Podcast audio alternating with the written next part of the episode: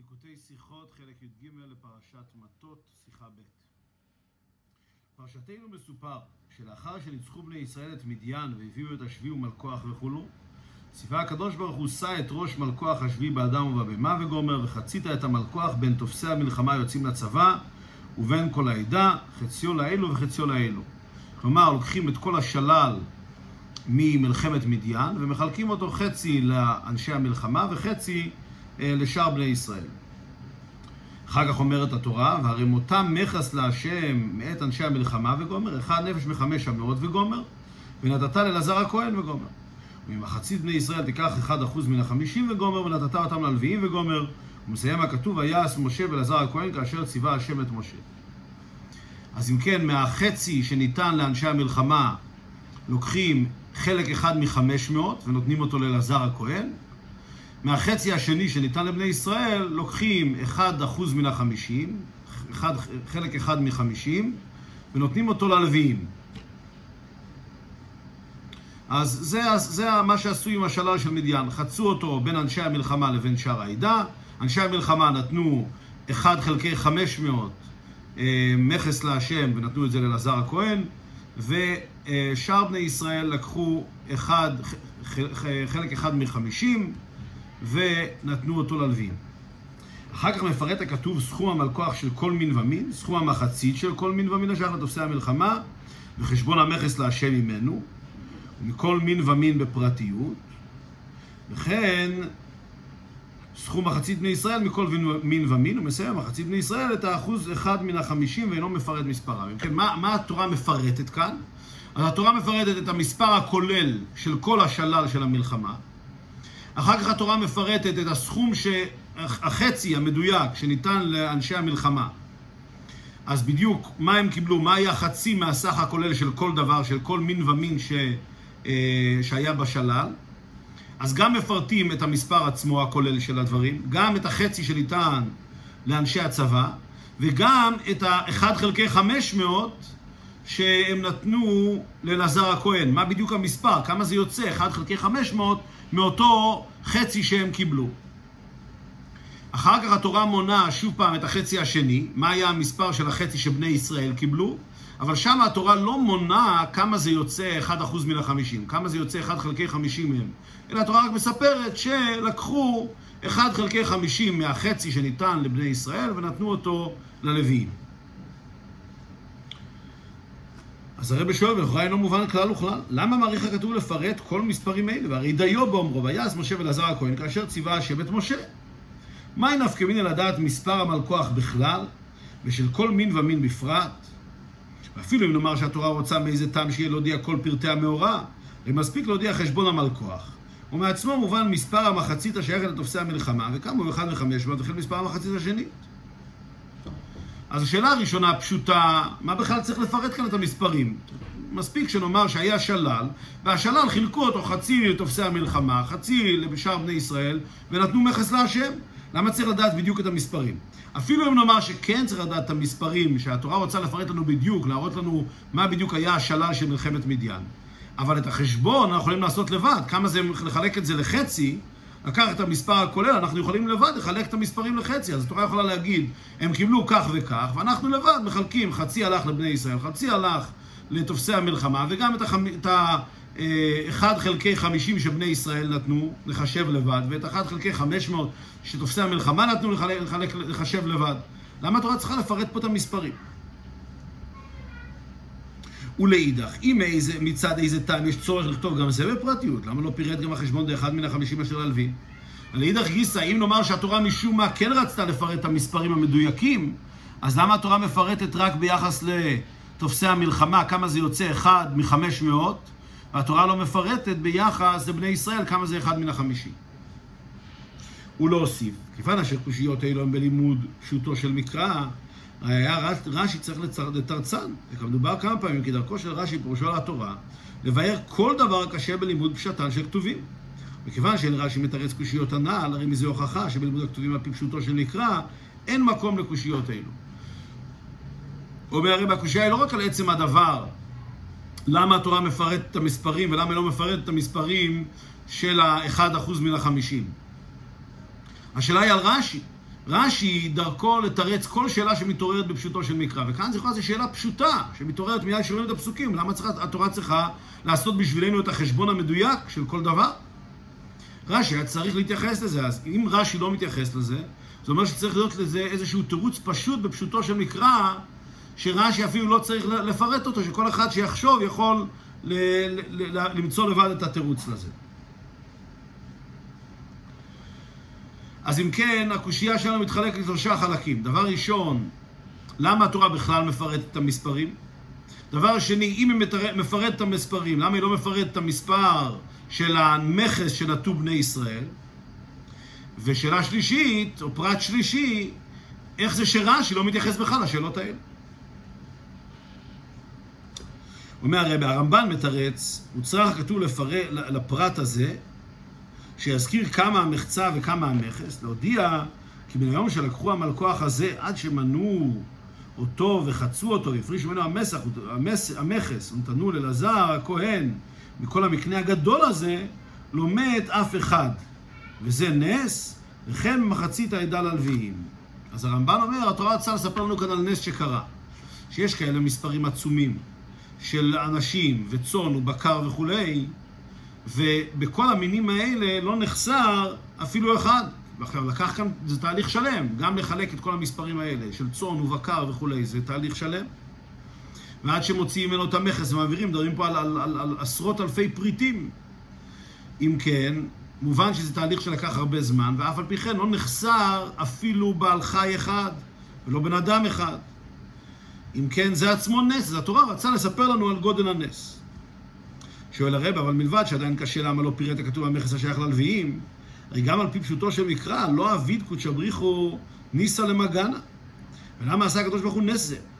ואם בשביל שלא יחסר ממון ישראל, לא מצינו עשיית נס בשביל זה, וכמה דרכים למקום שלא יחסר ממון, ממון ישראל. אומר הרב, גם התירוץ הזה בעצם מעורר קושייה. אמנם התורה מרמזת לנו כאן על הנס שנעשה, שעם כזאת כמות עצומה לא נחסר אפילו פרט אחד ובכל המספרים, גם בחצי של בני ישראל, גם בחצי של, ה... של תופסי המלחמה וגם באחוזים שנתנו מהם, אה, אז מכן נעשה כאן נס גדול, אבל זה עצמו מעורר קושייה. למה הקדוש ברוך הוא עושה את הנס? מה המשמעות של הנס הזה? יש לנו כלל שהקדוש ברוך הוא לא סתם עושה ניסים. אז אם נעשה כאן נס, אנחנו צריכים להבין למה נעשה הנס ומה המשמעות שלו. אז רבקה מתרץ תירוץ שהוא מדהים בפשטותו מצד אחד, שלכן רש"י כנראה לא צריך לפרש אותו. אה, כן, ומצד שני, זה תירוץ נפלא ממש, אומר הרב. הביאור בזה, אם היה כתוב בתורה רק ציווי הקדוש ברוך הוא, ולאחרי זה ויעש משה וגומר ותו לא, מקום לשאלה גדולה, ודווקא על פי פשוט, פשטות העניינים. על פי טבע, בשבי ומלכו אכולו, באדם ובבהמה, לא שכיח הוא כלל וכלל, אשר המספר דכל מין ומין בפני עצמו, יהיה מדויק עד כדי כך שמחציתו של כל מין ומין בפני עצמו יחולק לקבוצות של 50 ושל 500 בלי שייוותר עודף. ובלשון חז"ל אי אפשר לצמצם. וממילא בנידון דידן, מכיוון שהציווי היה לקח מכס אחד, אחוז אחד מן החמישים מחלק בני ישראל ואחד וחמש מאות מחלק אנשי הצבא, היה צריך להיות הוספה בהציווי מה לעשות בנוגע לעודף. אומר הרב פשוט, הרי התורה אמרה לקחת לחלק את הסכום הכולל לשניים. ואחר כך מכל מין ומין לקחת מתופסי המלחמה אחד מחמש מאות ומבני ישראל אחד מחמישים. עכשיו, בשביל לחלק, שכל סכום יהיה אפשר לחלק אותו לשתיים בלי, בלי שום יתרה, ואחר כך לחלק את כל אחד מהמינים האלה, כל מין ומין בפני עצמו, לחלק אותו לקבוצות של 50, שיהיה אפשר לקחת 1% מן ה-50, ולחלק אותו לקבוצות של 500, שיהיה אפשר לקחת 1% מ-500, ושלא יישאר עודף, זה דבר בלתי שכיח כלל וכלל. זאת אומרת, צריך להיות מספרים מדויקים כאלה שמתחלקים לשניים, המספר הכולל צריך להיות מתחלק לשניים, והמספר של כל מין ומין צריך להיות גם מתחלק לשניים, וגם מתחלק לחמישים, וגם מתחלק לחמש מאות. אז, אז זה, זה צריך להיות מספר מאוד מאוד מדויק, שיכול להתחלק בכל המספרים האלה בלי שיישאר שום יתרה, יתרה. אז בפשטות, מדובר שיש יתרות. כאשר מחלקים אה, את הסכום הכולל, מחלקים אותו לשניים, ואחר כך מחלקים לחמישים, ואחר כך מחלקים לחמש מאות, חייב להיות שיוותר יתרות כלשהם. והתורה לא אומרת מה לעשות עם היתרות האלה, למי נותנים אותם. כלומר, אם חילקנו לשניים ונשאר לנו אחד נוסף, חזרנו חצי לבני ישראל, חצי לתופסי המלחמה, ונשאר אחד ש... כן, שלא היה ניתן לחלק אותו, למי הוא הולך? לתופסי המלחמה, או אה, לבני ישראל. וכמו כן בכל אחד מהחלוקות האלה, מה עושים עם היתרות? התורה לא אומרת שום דבר. אז לכן התורה צריכה לפרט לנו, לכן מפרט הכתוב. ויהי המלכוח גומר, כל המספרים בפרטיות, להודיע שהיה בנידון דידן דיוק נפלא בכל מספרים אלו, בכל מין בפני עצמו, היה מספר מדויק, באופן שלקחו 1% מ-50 ו-1 מ-500 מהמחצית ולא היה עודף כלל. אז במילים אחרות, מכיוון שהקדוש ברוך הוא לא ציווה למשה רבינו מה לעשות עם העודף, זה אומר שהיה צריך להיות מצב כזה שבאמת לא יהיה עודף, וזה מה שהתורה מפרטת. התורה מראה לנו שהיה כאן ממש עניין ניסי, שהמספרים יצאו בדיוק בצורה כזאת, שהיה אפשר לחלק אותם לשניים ולחמישים ולחמש מאות, ולא היה עם זה, ולא היה שום עודף.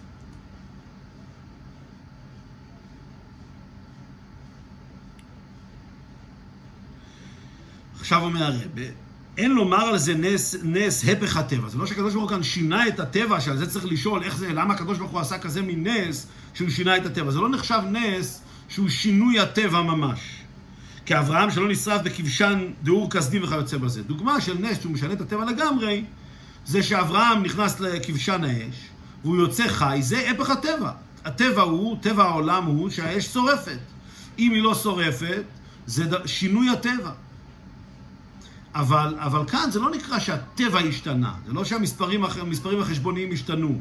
זה כאילו יצא כזה בצורה כזאת שיהיה בדיוק המספר המדויק.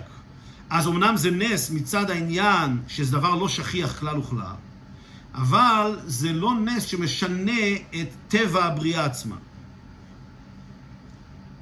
כפי שהרב אומר, כי אין הטבע מכריח שלא היו מספרים מדויקים, אבל אין זה שכיח כלל וכלל. זה סוג, זה סוג מסוים של נס שהוא דבר בלתי שכיח בכלל, אבל הוא לא משנה את הטבע עצמו. ויש ניסים כאלה אמ, שמצינו בתורה ובדברי ימי ישראל, ניסים כאלה שהם ניסים מבחינה סטטיסטית, ניסים מהבחינה הזאת שזה דבר לא שכיח, אבל לא שיש כאן שינוי הטבע בעצמו. למרות זאת שזה לא שינוי הטבע, ולכן קשה פחות הקושייה, לא אביד קודשא בריחו ניסה למגנה, שהקדוש ברוך הוא לא עושה ניסים בלי סיבה. כי זה לא ממש שינוי הטבע. אבל עדיין, אומר הרב, אבל עדיין אינו מובן כל צורכו. לכאורה סוף סוף, הווי מילתא דלא שכיחא כלל וכלל. ולמה קרה כמלידון דידן? עדיין צריך להבין למה הקדוש ברוך הוא באמת עשה כאן אה, את, ה, את הדבר הבלתי שכיח הזה, שיצאו בדיוק המספרים המדויקים, בשביל שיהיה אפשר לחלק את המספרים באופן מדויק בלי שתישאר שום יתרה. ובערב והביאור בזה, בלשון הכתוב, לאחרי הציווי והרמות המכס להשם את אנשי המלחמה גומר, אחד נפש וחמישה מאות גומר, חוזר הכתוב ואומר, ממחציתם תיקחו ונתת גומר. מזה שהכתוב מדגיש ממחציתם תיקחו, שלכאורה התיבות האלו מיותרות הן.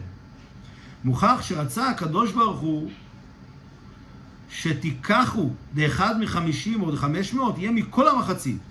ואם היה עודף, הרי מאותו עודף לא הייתה כל כיחה. אומר הרבה פה דבר נפלא. בפסוק, כאשר התורה מפרטת מה, מה שצריך לקחת מכס, אז התורה אומרת קודם, קודם כל, וערימות המכס מאת אנשי המלחמה, אחד נפש מחמש אמות, לקחת אחד חלקי חמש מאות. ואז התורה שוב פעם חוזרת ואומרת, ממחציתם תיקחו. למה התורה צריכה לחזור ולומר ממחציתם תיקחו? לכאורה זה קצת מיותר. אז אומר הרבה, התשובה היא שיש כאן ציווי שהכיחה תהיה מכל השלל, מכל המחצית הזאת. עכשיו, אילו היה יתרה, אז הלקיחה היא לא מכל המחצית. כן, אם יש לי מספר כזה שהוא לא מתחלק ל-50 או ל-500, ואני לוקח 1 חלקי 500, אז ה-1 חלקי 500 נלקח רק מאותו חלק שמתחלק ל-500. כל מה שהוא נשאר יתרה, לא לקחו ממנו מכס להשם. אבל הקדוש ברוך הוא ציווה ממחציתם תיקחו, כלומר מכל המחצית, התורה הוסיפה כאן ציווי מיוחד שהלקיחה תהיה מכל המחצית. זאת אומרת מכל הסכום, ולכן מוכרחים לומר שלא יהיה כאן יתרה. אז לכן התורה מספרת לנו שהיה כאן ציווי של הקדוש ברוך הוא למשה רבינו, שיחלקו את זה לשניים ושיקחו אה, מכס בין מתופסי המלחמה ובין בני ישראל. ושהמכס יהיה מכל המחצית של כל קבוצה. והתורה מספרת לנו שכך באמת היה בצורה כזאת, שלא היה שום יתרה והכיחה הייתה אכן מכל המחצית. אז נתקיים ציווי הקדוש ברוך הוא כלשונו וככתבו, כמו שהיה צריך להיות.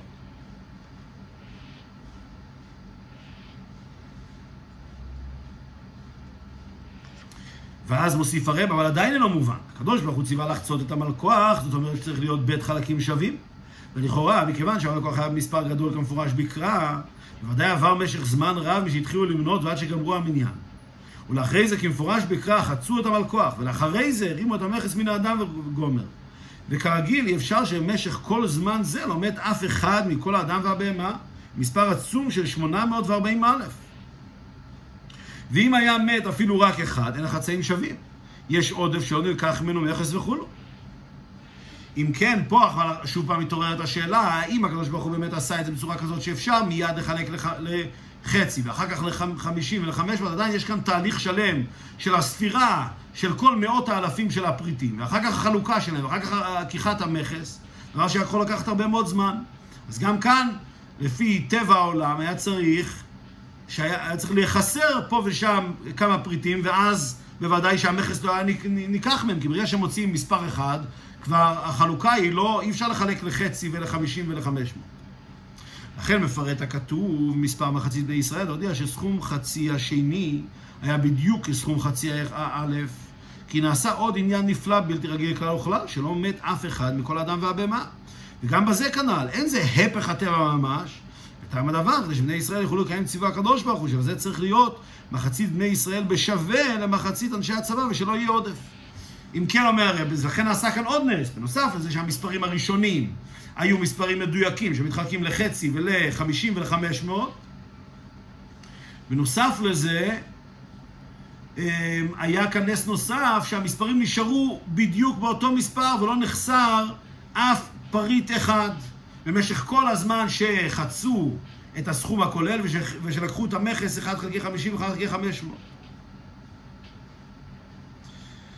אז, אז לכן התורה מפרטת גם את הסכום הכולל, שזה סכום כזה שיכול להיות מחולק לח, לחצי ולחמישים ולחמש מאות, וגם את הסכום ש, שחול, שניתן לכל חצי. למה, למה חשוב לי, אחרי שאני יודע את הסכום הכולל, למה חשוב לדעת שהיה חצי וחצי וכל אחד מהסכום? להגיד לך שלא נחסר שום דבר. אחרי חשוב לי לדעת שהחצי של בני ישראל היה בדיוק תואם את החצי של אנשי המלחמה, כי לא נחסר שום דבר באמצע. ואז לראות שהמספר הזה באמת מתחלק ל-500, כפי שרואים אה, באנשי המלחמה. אבל אחרי שהספר כתוב כל הנעל, אין צורך לפרט ה-1% מה-50, וכנ"ל שמובן מעצמו. הוא מודיע רק בכללות, ויקח משה מחצית בני ישראל את האחוז, אחד מן החמישים ובאמר. עכשיו, כעת כבר לא צריך לפרט את זה ש, שניקח 1% מן החמישים. כי בוודאי שהמספר הזה מתחלק גם ל-50, כשהוא מתחלק ל-500, וממילא ראינו כבר את כל הנס, גם את זה שלא נחסר שום דבר, גם את זה שהמספרים היו מספרים מדויקים, שיכולים להתחלק לכל המספרים הנ"ל, ואם כן היה כבר צורך לפרט מה היה בדיוק האחוז של בני ישראל, זה כבר לא היה מוסיף לי שום דבר. אם כן מובן, למה בפשוטו של מקרא התורה גם כן מפרט את המספרים, שוב פעם לספר לנו את, את גודל הפלא שהיה כאן, שהמספרים היו מדויקים, ושבמשך כל הזמן שחילקו ולקחו את המכס לא נחסר שום דבר, ואת כל זה אנחנו רואים במספרים שהתורה מפרטת. עכשיו, זה תירוץ בפשוטו של מקרא, כאשר קוראים את הפסוקים, אז רואים שהתורה מפרטת בין מספרים כאלה שהם יוצאים מספרים מדויקים בלי שום עודף. אם כן, רש"י כאן לא צריך לפרש לנו בדיוק אה, מה, למה התורה נכנסת לפרטים, כי זה ניכר אה, מתוך המספרים, שיש כאן מספרים מדויקים ומכוונים ביותר, ומובן שזה מה שהתורה רוצה להדגיש לנו.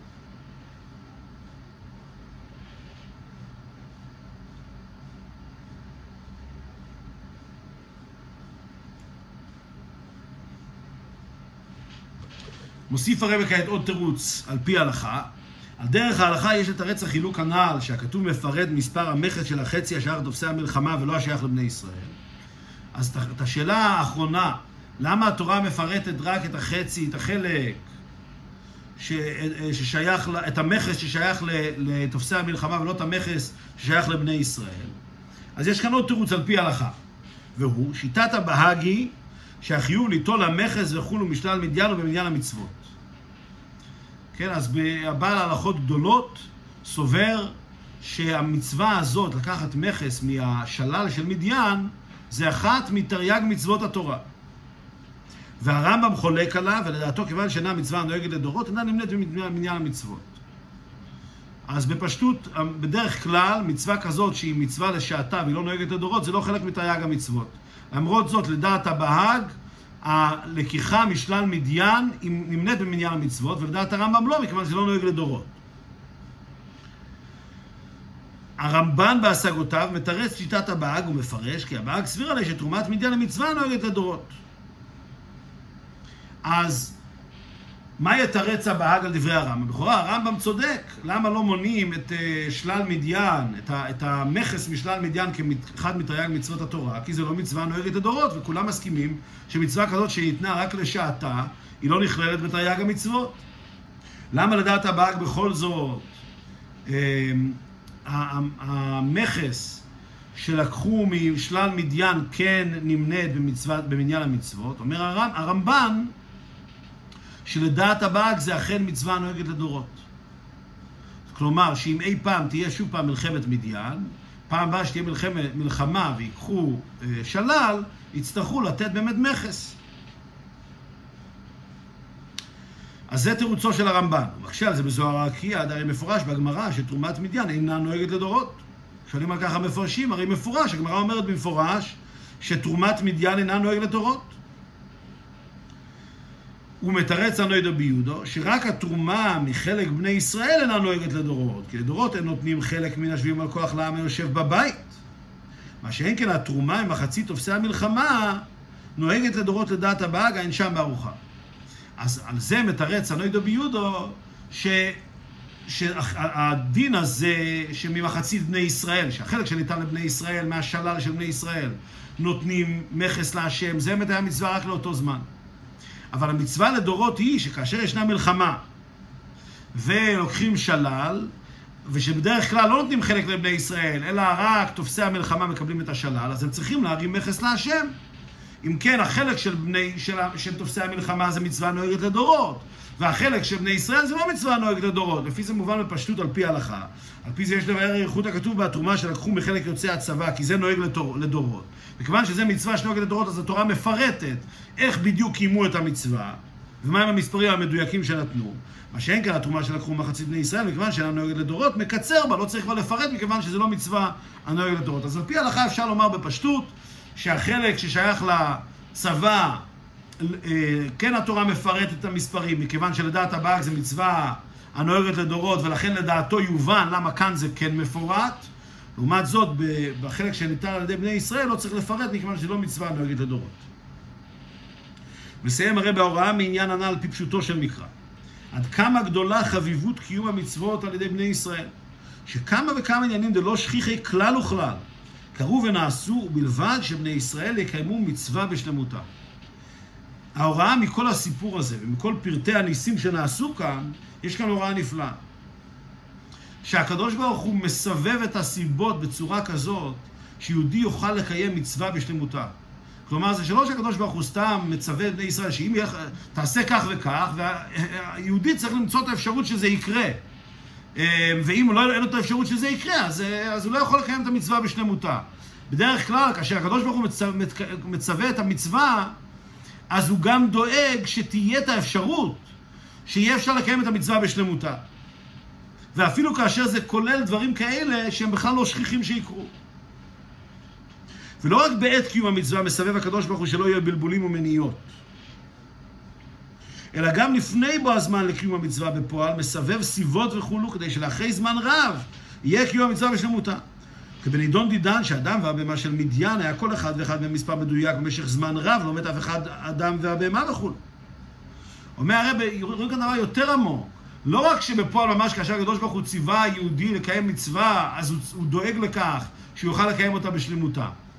אלא שיש כבר תהליך שמתחיל שנים לפני זה, שהקדוש ברוך הוא מסובב את הסיבות באופן כזה, שכאשר יגיע מצב שיהודי יצטרך לקיים פה מצווה, יהיה לו את היכולת לקיים את המצווה בשלמותה. כפי שרואים כאן, והרי מובן שבכדי שבעת המלחמה, אה, מלחמת בני ישראל מדיין, יהיה האדם והבהמה של מדיין למספר מדויק של אלפים. צריך להיות המשא ומתן של אנשי מדיין, גידול מקניהם וכולו, זמן רב לפני זה, באופן המתאים לזה. בסגנון אחר, זמן ארוך לפני המלחמה.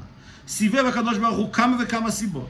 שיעסקו אנשי מדיין משא ומתן וגדלו במותיהם באופן כזה, שבבוא הזמן שיצטרכו בני ישראל לקיים מצוות השם, ישביעו על כוח מדיין, יוכלו לקיימה בשלמותה. אז הרב מסתכל על זה בצורה כזו, שכבר עשרות שנים לפני זה, כאשר אנשי מדיין עושים, עוסקים במשא ומתן ביניהם, מוכרים וקונים בהמות, והבהמות מולידות, מה נולד ומה נשאר אצלו ומה לא נשאר אצלו, כל המספרים האלה, הכל מתוכנן בצורה כזאת, בהשגחה פרטית, באופן כזה שכאשר תהיה את ה, יהיה את הציווי של אה, להרים מכס משלל מדיין, אז יהיה בדיוק את המספרים המדויקים. אז יש כאן הסתכלות שלמה איך הקדוש ברוך הוא מנהל את העולם. שהקדוש ברוך הוא מנהל את העולם, מסובב סיבות בצורה כזאת, שגם דברים בלתי טבעיים מתרחשים, הכל לשם מה? לשם זה שיהודי יוכל לקיים את המצווה, ולא סתם לקיים את המצווה, לקיים את המצווה בשלמותה. רק בשביל זה כביכול שווה לקדוש ברוך הוא לסובב את כל הסיבות, ולפי זה מתנהלים כל העסקי משא ומתן וכל הדברים שקורים בעולם כבר שנים לפני שהמצווה מתרחשת. אז זו הסתכלות אחרת, הסתכלות כזאת שאומרת שבעצם העולם נברא בשביל קיום התורה והמצוות, וכל סדר העולם וההתנהלות של העולם זה באופן כזה שאי אפשר לקיים מצווה, ולא סתם קיום מצווה, אלא קיום מצווה בהידור, קיום מצווה בשלמות. וההוראה אלינו, וזו הוראה לכל אחד ואחד, אין להתרשם מכל בלבול ומניעה ועיכוב. ואם לפעמים נדמה כאילו אין ביכולת לקיים מצווה חולו, אל יחוש. אלא נכון יהיה לי בבטוח שהקדוש ברוך הוא סיבב ויסבב סיבות ועד שיוכל לקיים המצוות בשלמותם. כאשר יהודי מסתכל על העולם בצורה כזאת, שכל המהלך העניינים שמתרחש בעולם זה הכל בשביל שיהיה אפשר לקיים את ציווי השם בשלמותו, כאשר הוא רואה שיש לו איזה קושי לקיים את המצווה, הוא יודע שזה דבר זמני, הוא צריך לעשות את מה שתלוי בו, אבל בעצם הוא יודע שבסופו של דבר הקדוש ברוך הוא יסובב את הסיבות וידאג לכך שתהיה לו את האפשרות לקיים את ציווי השם בשלמותו.